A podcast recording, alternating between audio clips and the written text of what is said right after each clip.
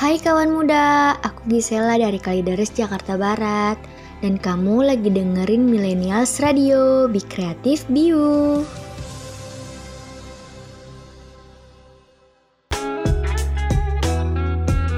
Mari belajar bersama di EduZone bersama Alisa dari Bukit Tinggi, Sumatera Barat.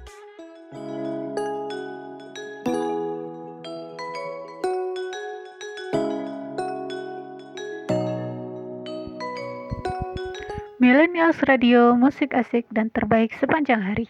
Hai, selamat pagi kawan muda. Gimana nih kabarnya? Semoga sehat-sehat selalu ya. Ketemu lagi bareng Lisa dari Bukit Tinggi yang bakal nemenin kamu di Millennial Radio Zone di setiap jam 6 pagi waktu Indonesia bagian Barat, jam 7 pagi waktu Indonesia bagian Tengah, dan jam 8 pagi waktu Indonesia bagian Timur. Aku bakal kasih info menarik lagi seputar dunia pendidikan.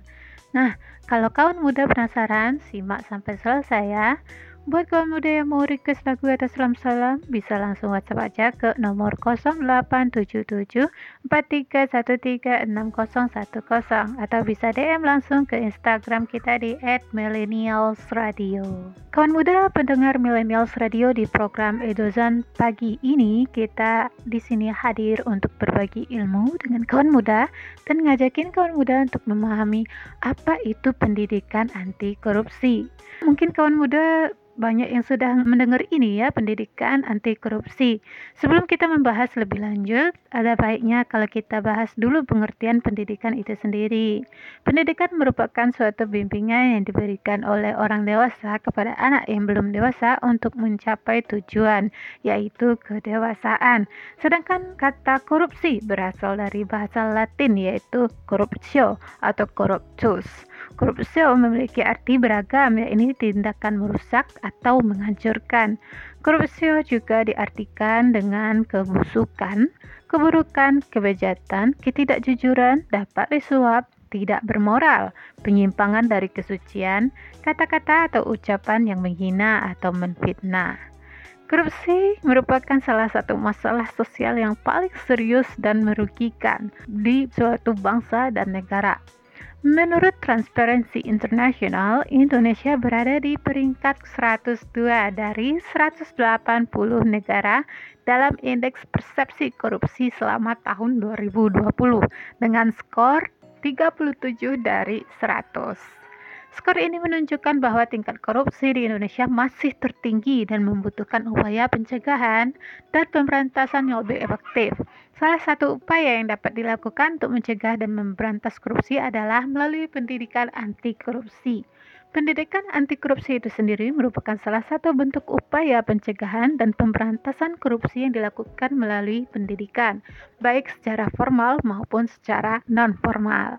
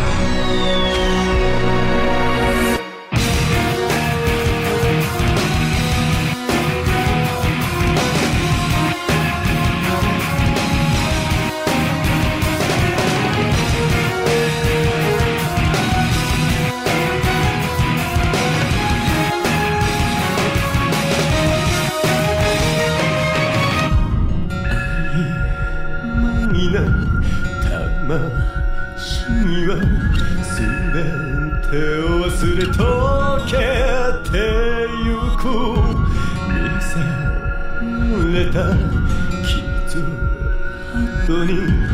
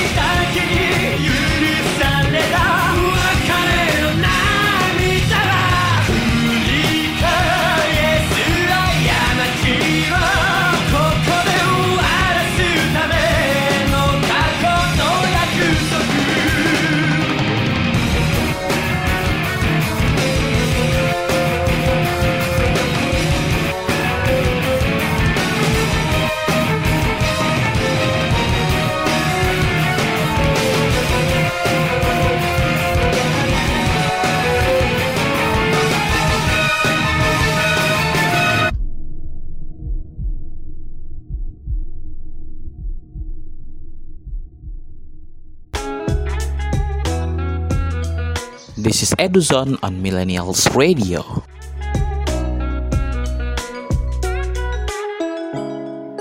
Millennials Radio, musik asik dan terbaik sepanjang hari. Lanjut lagi di Millennials Citizen yang masih bahas tentang pendidikan anti korupsi. Untuk pendidikan anti korupsi itu sendiri memiliki fungsi antara lain. Yang pertama adalah fungsi kognitif. Nah, fungsi kognitif yang merupakan satu hal yang berhubungan dengan kognisi, yaitu kegiatan dalam memperoleh pengetahuan termasuk kesadaran, perasaan, dan sebagainya, atau usaha mengenali sesuatu melalui pengalaman sendiri. Secara sederhana, kognitif dapat diartikan sebagai pemikiran atau kemampuan untuk berpikir. Kognitif menjadi pusat cara berpikir manusia dalam mengontrol pikiran dan perilakunya. Jadi untuk fungsi kognitifnya itu sendiri yaitu menambah pengetahuan serta wawasan mengenai korupsi dan dampak masif yang ditimbulkan oleh korupsi. Yang kedua ada fungsi efektif. Nah, fungsi efektif ini merupakan segala sesuatu yang berkaitan dengan sikap, watak, perilaku, minat, emosi, dan nilai yang ada di dalam diri setiap individu, yaitu perilaku yang memberikan perasaan, emosi, atau derajat tingkat penolakan atau penerimaan terhadap suatu objek. Jadi untuk fungsi efektifnya dari pendidikan anti korupsi adalah untuk membentuk moral dan karakter anti korupsi peserta didik dengan cara menanamkan nilai-nilai anti korupsi dan menerapkannya dalam kehidupan sehari-hari. Yang ketiga ada fungsi psikomotor, yakni Domainnya meliputi perilaku gerakan dan koordinasi jasmani, keterampilan motorik, dan kemampuan fisik seseorang. Nah, keterampilan yang akan berkembang jika sering dipraktekkan ini dapat diukur berdasarkan cara, kecepatan, teknik, dan cara pelaksanaannya. Jadi untuk fungsi psikomotor dari pendidikan anti korupsi adalah kesadaran moral untuk melawan berbagai bentuk praktek korupsi yang ada di lingkungan sekitar. Selanjutnya kita akan bahas tentang konsep pendidikan anti korupsi. Tapi setelah yang satu ini ya, stay tune. Wait till you're announced. We've not yet lost all our graces. The hounds will stay in chains. Look upon your greatness and she'll send the call out, send the call out, send the call out, send the call out, send the call out, send the call out, send the call out, send the call out, send the call out, send the call out, send the call out, send the call out, send the call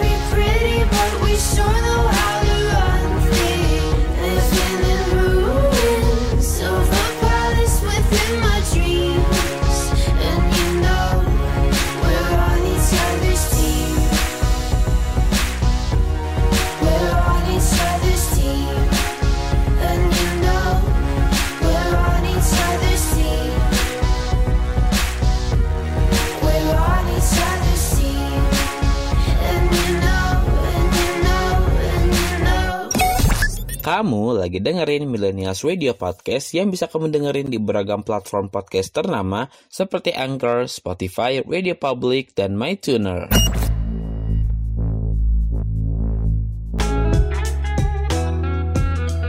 This is Eduzon on Millennials Radio.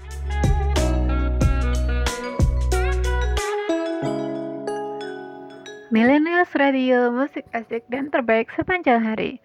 Masih di Millennials Eduzone yang bahas konsep pendidikan anti korupsi. Kawan muda, di dalam pendidikan anti korupsi didasarkan pada beberapa konsep utama, yaitu yang pertama adalah nilai-nilai integritas, di mana nilai-nilai integritas ini adalah nilai-nilai moral dan etika yang menjadi dasar bagi seseorang untuk bertindak secara jujur, adil, transparan, bertanggung jawab, dan profesional. Nilai-nilai integritas harus ditanamkan sejak dini kepada anak-anak dan remaja agar mereka dapat mengembangkan karakter yang baik dan tidak mudah terpengaruh oleh praktik korupsi. Beberapa contoh nilai-nilai integritas adalah kejujuran, keterbukaan, keadilan, kesetiaan, kerjasama, dan juga kemandirian ya kawan muda. Yang kedua adalah kesadaran hukum. Nah, kesadaran hukum ini adalah pemahaman dan penghargaan terhadap hukum yang berlaku di suatu negara atau masyarakat. Kesadaran hukum penting untuk ditingkatkan agar masyarakat dapat mematuhi hukum, menghormati hak dan kewajiban sesama warga negara, serta menuntut penegakan hukum yang adil dan tegas terhadap pelaku korupsi. Kesadaran hukum juga dapat mendorong masyarakat untuk berpartisipasi dalam proses pembuatan, pengawasan, dan evaluasi kebijakan publik yang dikaitkan dengan pencegahan dan pemberantasan korupsi. Yang ketiga ada keterampilan hidup. Nah, untuk keterampilan hidup itu sendiri merupakan kemampuan yang diperlukan untuk menghadapi tantangan dan peluang dalam kehidupan sehari-hari. Keterampilan hidup dapat membantu masyarakat untuk mengambil keputusan yang tepat, menyelesaikan masalah secara kreatif, berkomunikasi secara efektif, bekerja sama dengan orang lain, mengelola emosi dan stres, serta mengembangkan diri secara positif. Keterampilan hidup juga dapat membantu masyarakat untuk menghindari perilaku koruptif seperti suap, gratifikasi, nepotisme, kolusi, dan manipulasi data. Selanjutnya kita akan bahas tentang tujuan pendidikan anti korupsi setelah yang satu ini ya. Stay tune. Wait till you're announced. We've not yet lost all our graces. The hounds will stay in chains. Look upon your greatness and she'll send the call out, send the call out, send the call out, send the call out, send the call out, send the call out, send the call out, send the call out, send the call out, send the call out, send the call out, send the call out, send the call out, send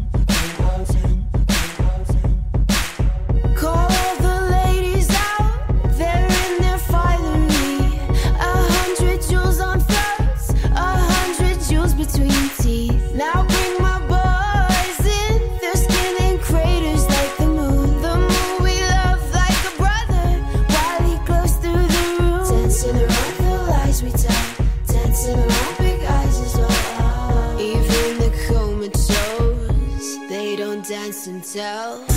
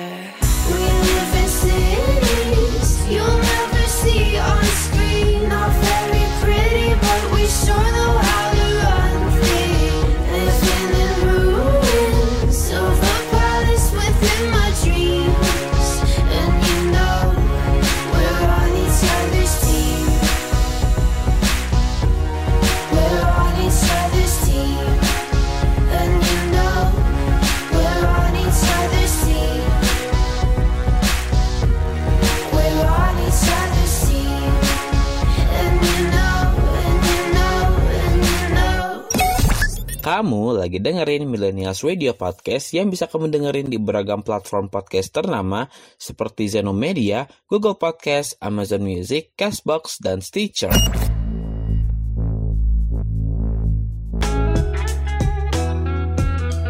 This is Eduzone on Millennials Radio.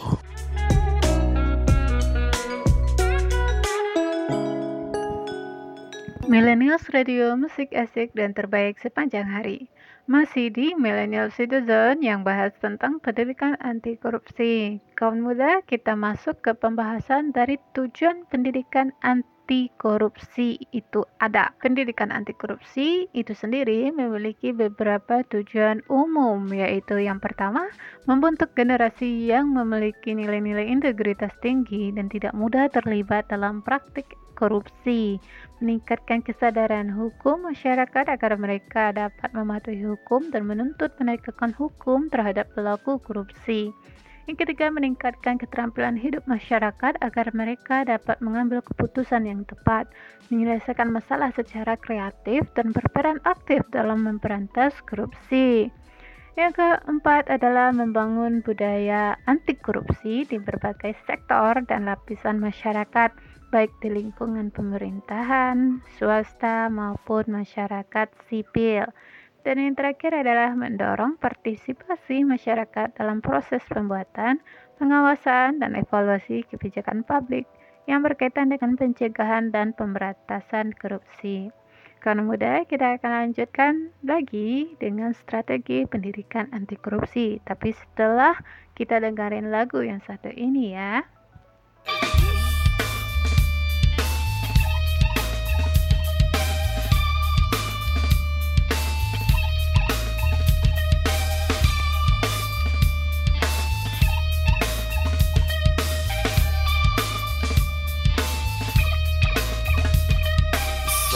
Takes a part of me. Something lost and never seen. Every time I start to believe something's raped and taken from me, from me.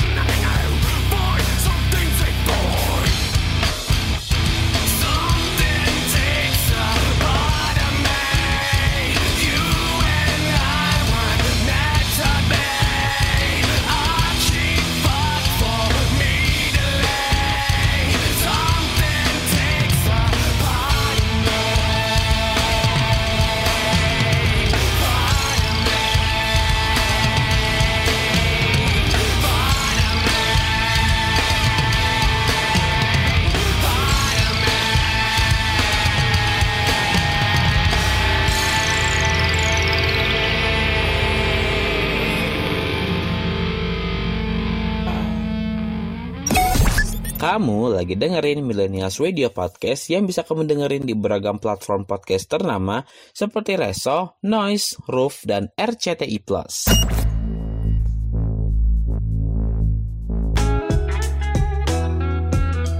This is Eduzon on Millennials Radio.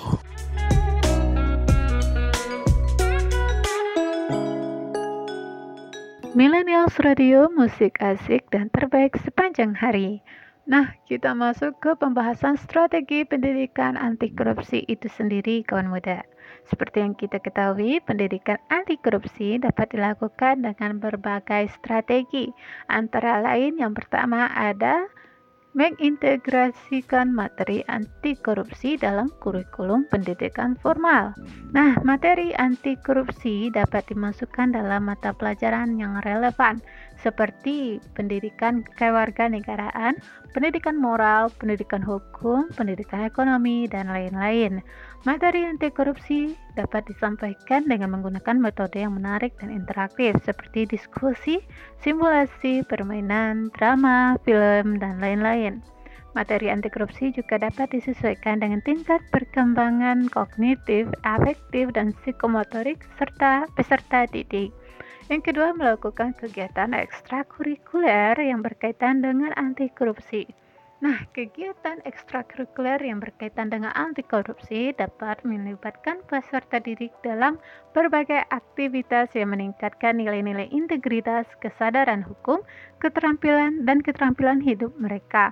Beberapa contoh kegiatan ekstrakurikuler yang berkaitan dengan anti korupsi adalah klub integritas, klub debat, klub jurnalistik, klub relawan, klub advokasi, dan lain-lain. Kegiatan ekstrakurikuler yang dapat melibatkan kerjasama dengan pihak-pihak lain yang peduli terhadap isu anti korupsi, seperti lembaga pemerintah, lembaga swasta, organisasi masyarakat sipil, media massa, dan lain-lain. Selanjutnya, melakukan sosialisasi dan edukasi anti korupsi di luar lingkungan formal. Nah, sosialisasi dan edukasi anti korupsi di luar lingkungan formal dapat dilakukan dengan menggunakan berbagai media dan sarana yang dapat menjangkau masyarakat secara luas. Media dan sarana yang dapat menjangkau masyarakat luas contohnya seperti buku, majalah, poster, spanduk, stiker, brosur, leaflet, komik, kartun, lagu, video, website, blog, sosial media, radio, televisi, dan lain-lain. Sosialisasi dan edukasi anti korupsi di luar lingkungan formal juga dapat dilakukan dengan mengadakan berbagai acara dan kampanye yang dapat menarik perhatian dan partisipasi masyarakat. Nah, contoh kampanye dan kegiatannya ada seperti seminar, workshop, talk show, festival film, pameran seni, lomba kreativitas, gerakan bersih-bersih sampah, gerakan tanam pohon, Tree Hero, gerakan donor darah, Blood Hero, gerakan berbagi buku, Book Hero, gerakan berbagi makanan, Food Hero, gerakan berbagi masker, Mask Hero, gerakan berbagi sepeda, Bike Hero, gerakan berbagi ilmu, knowledge hero, gerakan berbagi cinta, love hero, dan lain-lain. Baik, habis ini kita akan bahas tentang peran dan tantangan pendidikan anti korupsi kaum muda. Masih di Millennial itu setelah yang satu ini ya.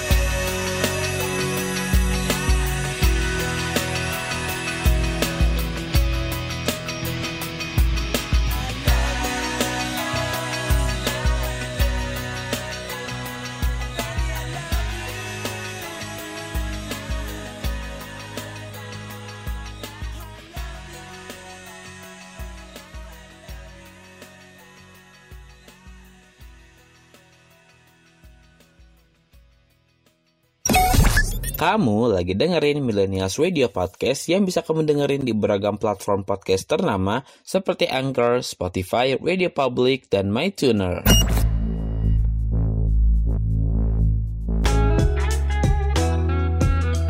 This is Eduzon on Millennials Radio.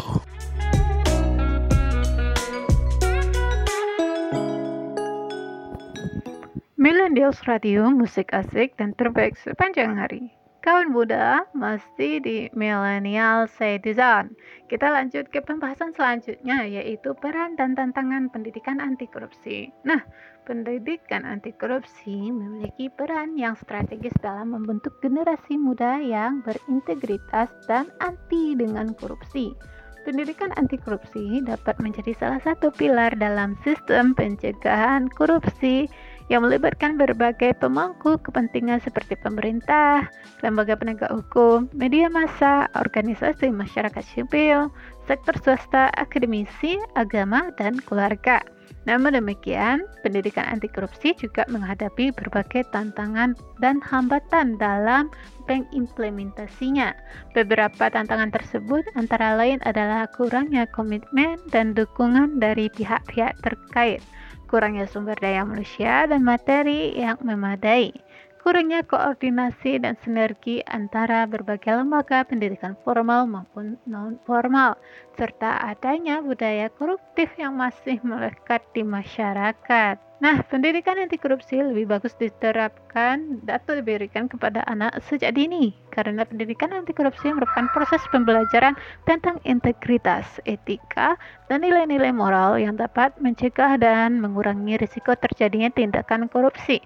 Pendidikan ini dapat dimulai sejak usia dini dengan melibatkan sekolah dan keluarga sebagai mitra. Selanjutnya kita akan bahas tentang hal-hal yang dapat dilakukan untuk melaksanakan pendidikan anti korupsi sejak dini. Masih di Millennial Zone setelah yang satu ini. Stay tuned.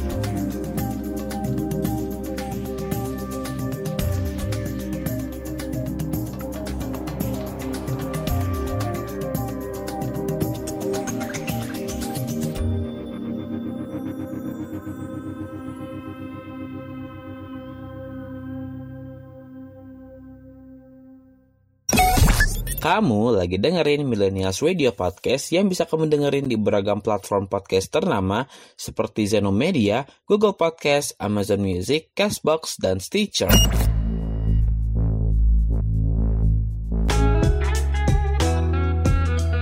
This is Eduzone on Millennials Radio.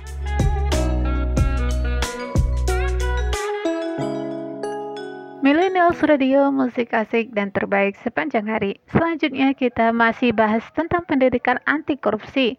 Berikut hal-hal yang dapat dilakukan untuk melaksanakan pendidikan anti korupsi sejak dini yaitu yang pertama ada pembiasaan integritas. Nah, Pembiasaan integritas merupakan kegiatan yang dilakukan untuk membentuk sikap dan tindakan integritas pada pelajar sejak dini. Kegiatan ini dapat dilakukan melalui pembiasaan disiplin, kejujuran, tanggung jawab, dan kepedulian kepada lingkungan. Pembiasaan ini dapat dilakukan di sekolah dan keluarga sehingga anak akan terbiasa dengan sikap-sikap integritas tersebut. Yang kedua ada pembelajaran nilai-nilai moral. Nah, untuk yang ini, pendidikan anti korupsi sejak dini juga harus didukung dengan pembelajaran nilai-nilai moral. Belajar perlu diberikan pemahaman tentang nilai-nilai seperti kejujuran, tanggung jawab, dan keadilan. Nilai-nilai moral ini akan membentuk karakter pelajar yang kuat dan mencegah terjadinya tindakan korupsi di masa depan. Yang ketiga ada pembelajaran tentang hukum dan peraturan. Pendidikan anti korupsi sejak dini juga harus dilengkapi dengan pembelajaran tentang hukum dan peraturan. Pelajar perlu diberikan pemahaman tentang hukum dan peraturan yang berlaku di negara mereka sendiri. Hal ini akan membantu mereka memahami tindakan korupsi yang dapat merugikan masyarakat dan juga merugikan negara. Yang keempat ada pembelajaran tentang etika dan integritas. Nah, pendidikan anti korupsi sejak dini juga perlu dilengkapi dengan pembelajaran tentang etika. Kalau integritas tadi kita sudah singgung, sekarang kita singgung tentang pembelajaran tentang etikanya.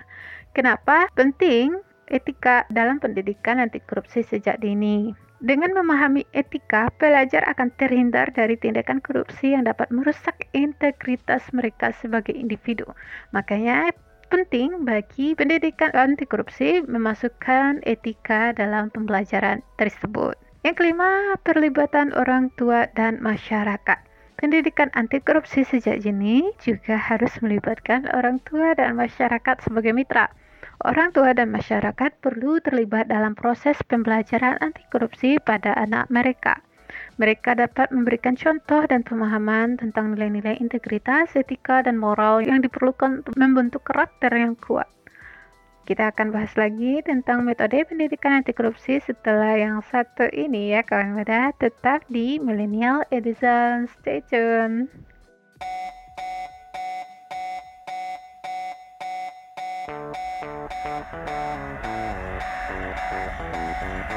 No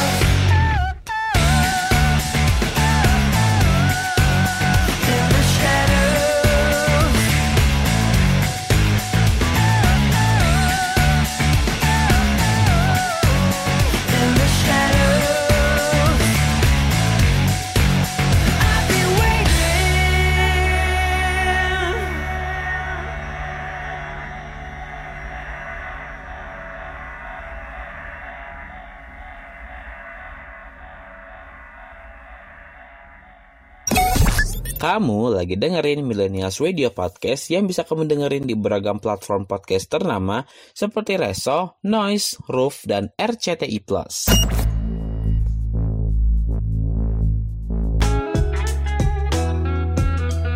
This is Eduzon on Millennials Radio.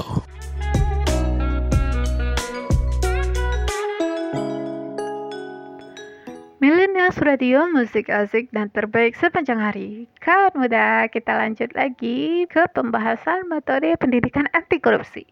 Pendidikan anti korupsi dapat dilakukan melalui berbagai metode yang sesuai dengan tingkat pendidikan, kurikulum, dan konteks lokalnya masing-masing. Beberapa metode yang dapat digunakan antara lain yang pertama ada metode in-class discussion. Dari namanya dapat diketahui bahwa metode ini berupa diskusi langsung yang diadakan di dalam kelas. Tujuan dari metode ini adalah melatih dan menumbuhkan kepekaan atau awareness serta melatih kerangka berpikir anak didik. Dan untuk kegiatannya berupa diskusi yang dipimpin secara langsung oleh pengajar atau guru dengan menyampaikan materi terkait konsep-konsep korupsi dan anti korupsi. Yang kedua ada metode case study. Untuk metode case study atau studi kasus ini bertujuan untuk meningkatkan kepekaan anak didik terhadap kasus-kasus korupsi yang sudah terjadi sebelumnya. Selain itu, anak didik juga diharapkan mampu menganalisis dasar konsep-konsep yang diberikan oleh pengajar. Dalam metode ini, pembicaranya bisa pengajar atau bahkan anak didik itu sendiri. Kasus-kasus yang didiskusikan tentunya adalah kasus korupsi, latar belakang melakukan korupsi, dan gerakan pemberantasan korupsi yang diterapkan di negara lain. Yang ketiga ada metode general lecture. Metode ini bertujuan untuk belajar langsung dari praktisi atau orang-orang di lapangan yang dianggap mampu memberikan pendidikan anti korupsi secara jelas dan terperinci. Biasanya, pembicara tamu yang diundang akan berbagi pengalamannya dalam memberantas atau mencegah korupsi di dunia kerjanya. Dengan kata lain, tokoh-tokoh yang dipercaya sebagai pembicara yang diambil adalah koruptor fighter, seperti tokoh KPK, politisi, pemuka agama, pengusaha, ataupun penjabat pemerintahan. Pembicara tersebut diharapkan mampu menginspirasi anak didik sekaligus menjadi role model yang baik untuk anak didik. Yang keempat ada metode diskusi film. Untuk metode ini menggunakan sarana film untuk dijadikan bahan diskusi dengan kekuatan audiovisual dalam pendidikan anti korupsi yang dilaksanakan. Kegiatan dimulai dengan memutar film dokumenter yang berkaitan dengan anti korupsi lalu mendiskusikannya dengan para anak didik. Hal-hal yang didiskusikan antara lain adalah bentuk korupsi yang terjadi di dalam film, faktor penyebab terjadinya korupsi di dalam film, dilema yang dihadapi oleh para koruptor atau orang yang membantu pelaksanaan korupsi itu sendiri. Yang kelima, ada metode education tool. Metode education tools bertujuan untuk menciptakan media pembelajaran yang kreatif sebebas mungkin untuk segmen pendidikan formal ataupun publik. Kegiatannya adalah anak didik menuangkan kreativitasnya dengan cara mendesain berbagai macam produk yang sekiranya dapat dijadikan media pembelajaran anti korupsi. Kita akan bahas materi pendidikan anti korupsi sesaat lagi, cuma di Millennial Edison. Stay tuned. Long ago, just like getting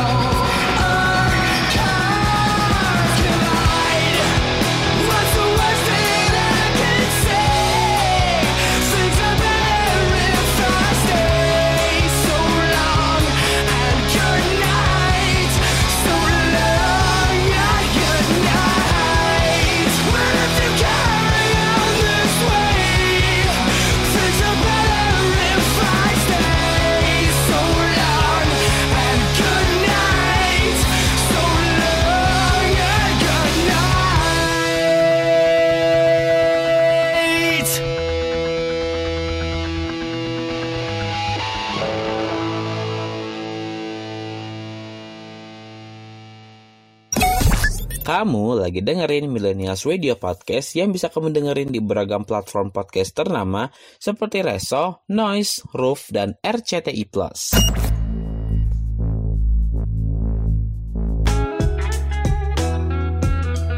This is Eduzone on Millennials Radio.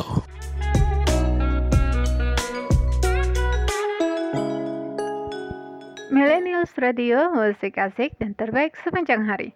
Nah, di segmen Millennials Radio Zone kali ini kita akan bahas tentang materi pendidikan anti korupsi.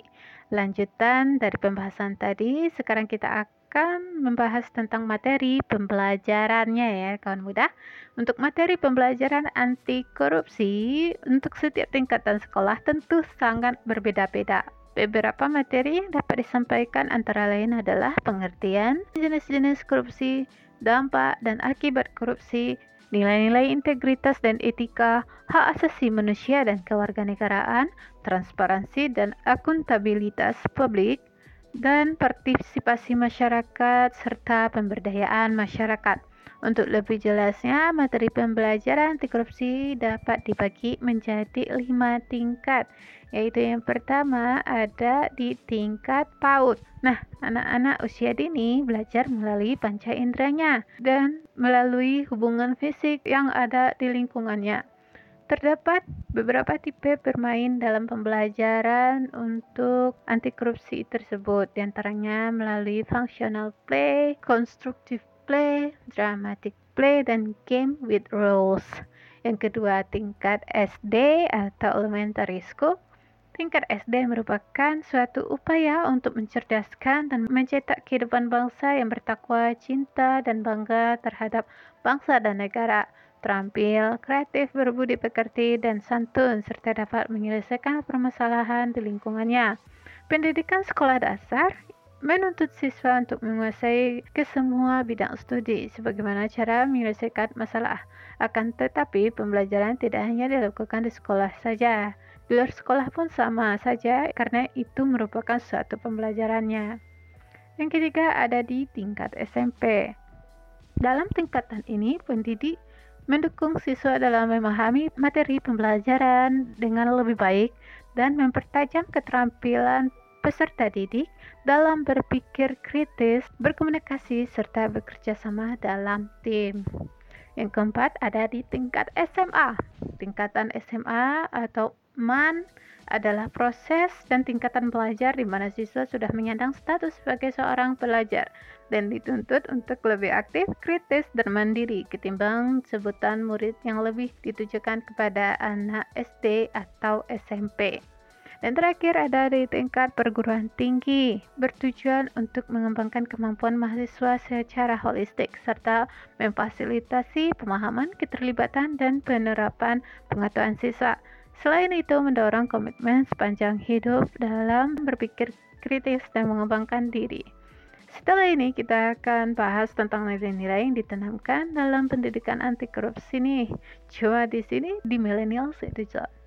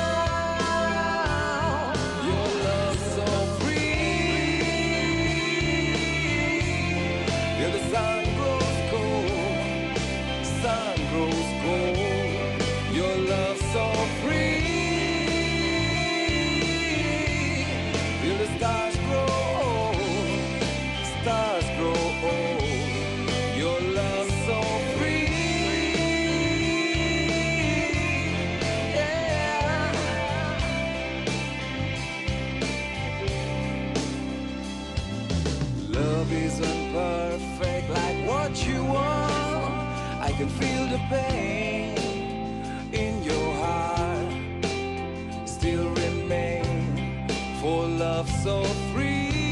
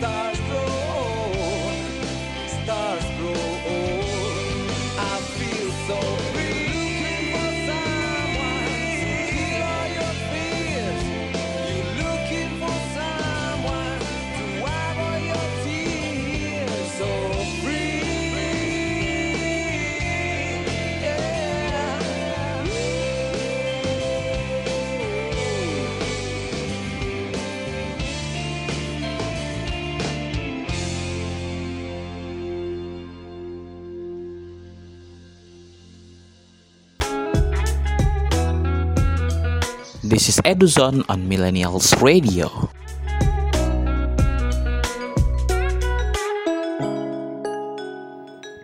Millennials Radio musik asik dan terbaik sepanjang hari. Nah, kawan muda, inilah nilai-nilai yang ditanamkan dalam pendidikan anti korupsi. Dengan menerapkan pendidikan anti korupsi sedari dini, kita bisa mendapatkan nilai-nilai yang menghindarkan kita dari tindakan korupsi. Nilai-nilai tersebut adalah sebagai berikut. Yang pertama adalah kejujuran. Jujur dapat didefinisikan sebagai perilaku atau ucapan yang tidak curang, tidak berbohong, atau lurus hati. Jujur merupakan sikap yang penting untuk dimiliki oleh semua orang, baik penjabat maupun rakyat biasa. Ketika seseorang tidak memiliki sikap jujur, maka orang tersebut adalah dapat dikatakan sebagai orang yang tidak berintegritas dengan menerapkan kejujuran dalam keseharian atau dalam pekerjaan, seseorang akan merasa takut untuk melakukan kecurangan. Yang kedua ada peduli. Nah, peduli artinya memperhatikan, mengindahkan, atau menghiraukan. Ketika seseorang peduli dengan orang lain, maka ia tidak akan mengambil sesuatu yang bukan haknya dari orang lain. Hal itulah yang kemudian mendorong manusia untuk memiliki rasa kasih sayang dengan sesama manusia lainnya sehingga terhindar dari perilaku ingin menang sendiri. Yang ketiga ada mandiri. Dalam pendidikan anti korupsi juga ditanamkan nilai-nilai yang berkaitan dengan kemandirian. Mandiri itu sendiri artinya adalah proses mendewasakan diri dengan tidak bergantung kepada orang lain. Orang yang mandiri pastinya akan selalu berusaha menyelesaikan tugas dan tanggung jawabnya sebaik mungkin tanpa perlu merepotkan orang lain. Selanjutnya ada kerja keras. Kerja keras didasari dengan adanya kemauan yang kemudian menimbulkan ketekunan, ketabahan, ketangguhan, keberanian, dan juga pengendalian diri. Ketika seseorang bekerja dengan keras, artinya memiliki etos kerja yang baik. Seseorang seperti itulah yang terus meningkatkan kualitas kerjanya demi terwujudnya kemanfaatan bagi orang-orang sekitar. Selanjutnya ada kesederhanaan. Gaya hidup menjadi hal yang paling penting dalam kehidupan bermasyarakat. Gaya hidup yang sederhana perlu diterapkan kepada seseorang sejak masa mengenyam pendidikan di sekolah. Dengan hidup secara sederhana, seseorang akan terhindar dari sikap boros dan selalu hidup sesuai dengan kemampuannya. Artinya, orang yang sederhana tidak akan mengambil yang bukan haknya hanya untuk memenuhi gaya hidupnya sendiri. Selanjutnya ada keadilan. Nah, adil itu sendiri artinya sama rata, tidak berat sebelah dan juga tidak memihak siapa pun. Dengan mengerti hakikat dari keadilan, seseorang akan membagi atau memberikan sesuatu kepada siapa pun apa yang menjadi haknya. Orang yang adil tidak akan mau mengurangi hak orang lain untuk memenuhi kepuasan diri sendiri atau orang-orang terdekatnya pendidikan anti korupsi selalu berkaitan erat dengan namanya pendidikan karakter. Pasalnya, dengan membentuk karakter generasi muda dengan baik, maka mereka akan terhindar dari berbagai macam tindakan korupsi. Apalagi saat ini Indonesia telah menjadi negara berpopulasi besar yang tingkat kebersihan korupsinya masih sangat-sangat kecil. Dampaknya, banyak rakyat kecil yang semakin menderita karena haknya telah dirampas sebelum sampai ke tangan mereka. Bahkan tak jarang orang yang seharusnya memberantas korupsi malah melakukan tindakan korupsi. Mungkin hal inilah yang menjadi salah satu sebab mengapa rakyat Indonesia tak kunjung mendapatkan kesejahteraan. Oleh karena itu, pendidikan anti korupsi sangat penting untuk diberikan sedari dini kepada siapa pun. Wah, gak kerasa ya udah kelar aja nih acaranya. Makasih banyak buat kamu yang sudah dengerin Millennial Citizen kali ini. Semoga kamu bisa mendapat banyak manfaat dari episode kali ini. Kalau kamu ketinggalan topik hari ini, cus langsung bisa dengerin lagi di Millennial Citizen Podcast yang tersedia di berbagai platform podcast ternama seperti Spotify, Reso, Noise, Roof, dan RCTI+, serta beragam platform podcast lainnya. Jangan lupa follow semua sosial media kita di Twitter atau X. Kita ada di @millennialsradio underscore serta di Facebook, Instagram, YouTube, dan TikTok kita di @millennialsradio. Baiklah kan mudah yang mau follow IG ku juga bisa langsung aja cek aku di @cat underscore dormitory. Aku Alisa dari Bukit Tinggi. Pamit undur diri dulu ya. See you di next episode selanjutnya. Bye-bye.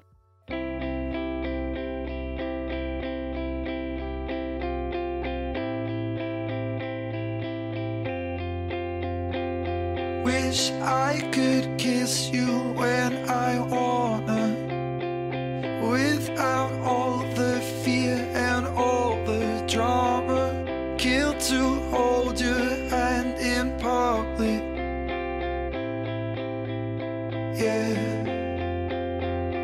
need you closer. Can we go somewhere? No one knows us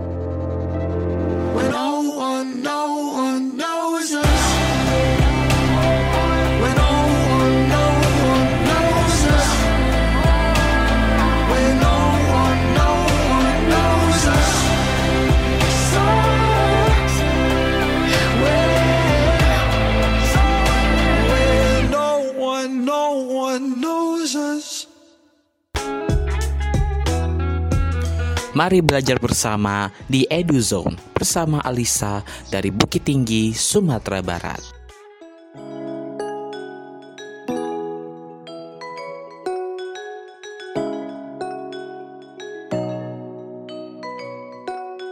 Program ini diproduksi oleh Millennials Radio. Be creative, be you.